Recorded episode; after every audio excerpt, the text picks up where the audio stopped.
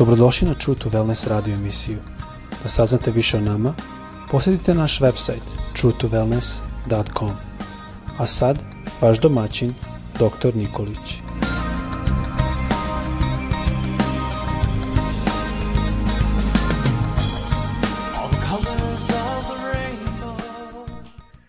Draga braćo, drage sestre i dragi prijatelji, dobar dan. Danas želim da vas sve srdačno pozdravim i da vam poželim obilan, pun Božji blagoslov u vašim životima. Takođe da vas Bog čuva i da vas zaštiti od uticaja zloga. Ostanite danas u molitvi, setite se u vašem dnevnoj, da kažem, rutini molitve koja je jako važna da vas Bog čuva. Možda kažeš da, da bi molio trebam otići na neko mesto ili odvojiti se ili ući u crkvu. Ne, ne, ne. Jako je bitno da budeš povezan u duhu svojem sa svojim stvoriteljem Bogom i možeš se pomoliti te god se nalaziš i Bog će biti sa tobom. On će te sačuvati. To je moja želja za tebe danas. Danas želim da govorim na temu, na temu koja je jako široka, ali ja ću pokušati da uzmem jedan mali, mali deo i naslov će biti ovaj. Um vođen Božijim duhom donosi život i mir. Apostol Pavle o ovome govori u Rimljanima poslanici e, Novoga Zaveta, osmoj glavi, pročitaću peti i šesti stih, zato što je ovde važan taj kontekst. Jer oni koji žive u skladu sa ljudskom prirodom, smeraju na ono što im ta priroda nalaže. A oni koji žive u skladu s Božjim duhom, smeraju na ono što im duh Božji nalaže. Naime, um vođen ljudskom prirodom donosi smrt. A um vođen Božjim duhom donosi život i mir. Um vođen Božjim duhom donosi život i mir. I Pavle dalje govori u ovoj istoj glavi, u istoj poslanici, znači govorimo o osmoj glavi, u 12. stihu sledeće. Prema tome, braćo, nismo dužnici ljudskoj prirodi da po njoj živimo. Ili, ja bi ovo preveo da nam lakše bude, braćo, nismo dužnici tele, telesnosti ili e, da živimo u telu samo e, jer jednostavno Bog nas poziva na nešto drugo. Šta se događa ako živimo po ljudskoj prirodi? Jer ako živite po ljudskoj prirodi, kaže apostol Pavle, ili u telu, što podrazumeva telesne želje, kako me telo vodi, e, taj emotivni, telesni e, poriv i tako dalje i tako dalje, kaže ako živimo po toj ljudskoj prirodi, morate da umrete. Ovde izgleda ne postoji izbor života i smrti, nego samo smrti. Znači, morate da umrete ako živite po telu ili po ljudskoj prirodi.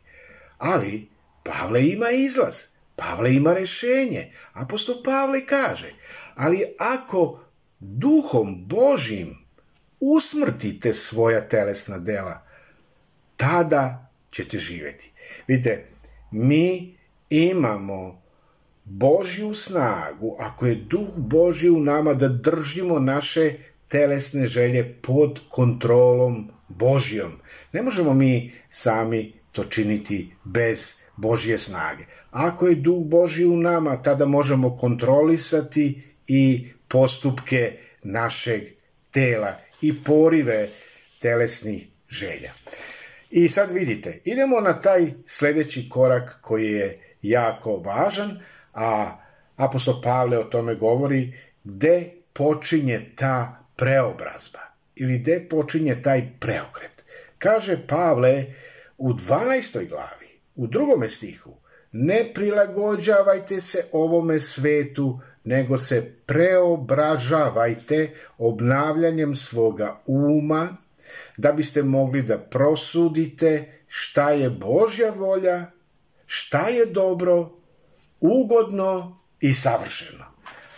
Bog, On ima dobre, dobre planove, savršene planove za svoju decu. On ima dobro, ugodno i savršeno za mene. Ali je potreban preobražaj. Potrebna je ta promena.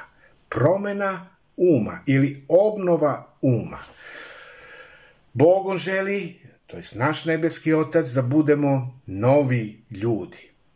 Novi ljudi sa obnovljenim umom. Nova žena sa obnovljenim umom.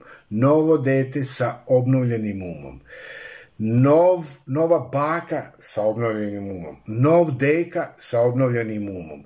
Bog želi da sve generacije rade na obnovi svoga uma, da bi živeli svi zajedno u jednome e, iskazivanju poštovanja, časti i što je najneophodnije poslušnosti Bogu. Ovo je jako važno. Možemo i moliti i skazati čast našem Bogu, ali ako mu nismo poslušni, ništa ne vredi. Poslušnost, ona je veća od žrtve. Poslušnost je nešto što Otac naš nebeski, naš stvoritelj, Bog, spasitelj Isus Hrist očekuje od nas. I sada, želeo bi da napravimo jedan iskorak, da odemo korak sa ovih teoloških, da kažemo, tema na praksu. I Pavle, on je vrlo praktičan i on je praktičar i apostol Pavle u tom pravcu daje smernice za život kakav dolikuje otkupljenim ljudima, to jest nama kao hrišćanima od ovog palog sveta. I Pavle, on kaže, morate prineti, prineti sebe Hristu na živu žrtvu. Ovo je neophodno. Zašto je važna ta živa žrtva?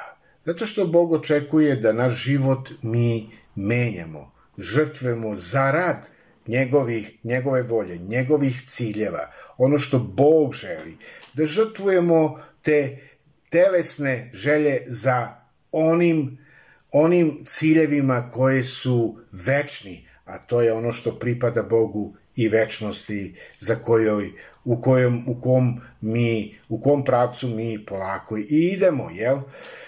Važno je da se dogodi ta promena u našem načinu razmišljanja. Šta to znači? Na koji način mi razmišljamo? Preobražavajte se obnavljanjem svoga uma da biste mogli da razaberete ili da vidite da vam bude jasno šta je volja Božja. Promena ona uvek započinje u umu. To jest način na koji ja razmišljam učinit će me e, da se promeni način mojih osjećaja, koja će nesumnjivo, to jest ti osjećaji, uticati na moja dela i sve moje aktivnosti i sam moj rad koji ja u današnjem danu želim postići i uraditi. I ova promena, ona se naziva mentalni preokret. Mentalni preokret. Da bi bio kao Hrist, moram E, razvijati Hristov um. I ovaj mentalni preokret u Novom Zavetu naziva se kako? Pokajanje. Što na, grčkom, što na grčkom jeziku doslovno znači promena uma, to jest metanoja, promena uma. Ja se kajem kad god primenim e, ili da kažem primenim ono što Bog očekuje od mene, to jest promenim način razmišljanja. Ja se kajem u toj promeni u toj žrtvi želeći da usvojim taj Božji način razmišljanja o sebi, o svome stanju, o svojim slabostima, o svojim gresima, o prisutnosti Boga u mome životu. Bog želi da bude prisutan, da li sam ja blizu njega ili nisam. Ja treba da budem svestan svega toga. Dalje treba da budem svestan pred ljudima, ko sam, kakav moj život reflektuje, moji postupci, šta je ono što ja učim ljude koji su oko mene.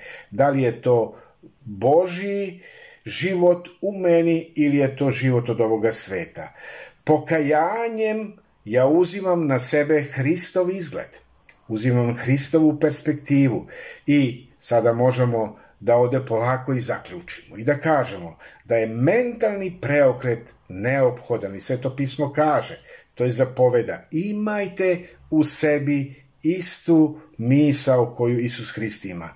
Dalje sveto pismo kaže, ne budite detinjastih misli, nego u zloći budite nejaki, a mislima budite zreli ljudi. Zreli ljudi.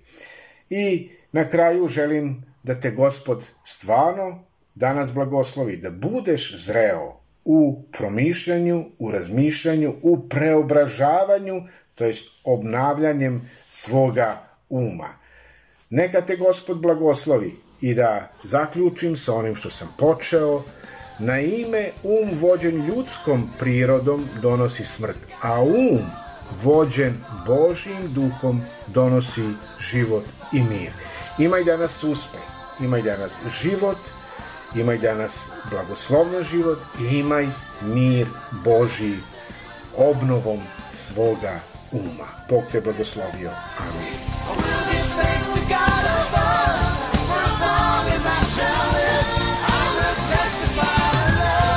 Slušajte True to Wellness radio emisiju.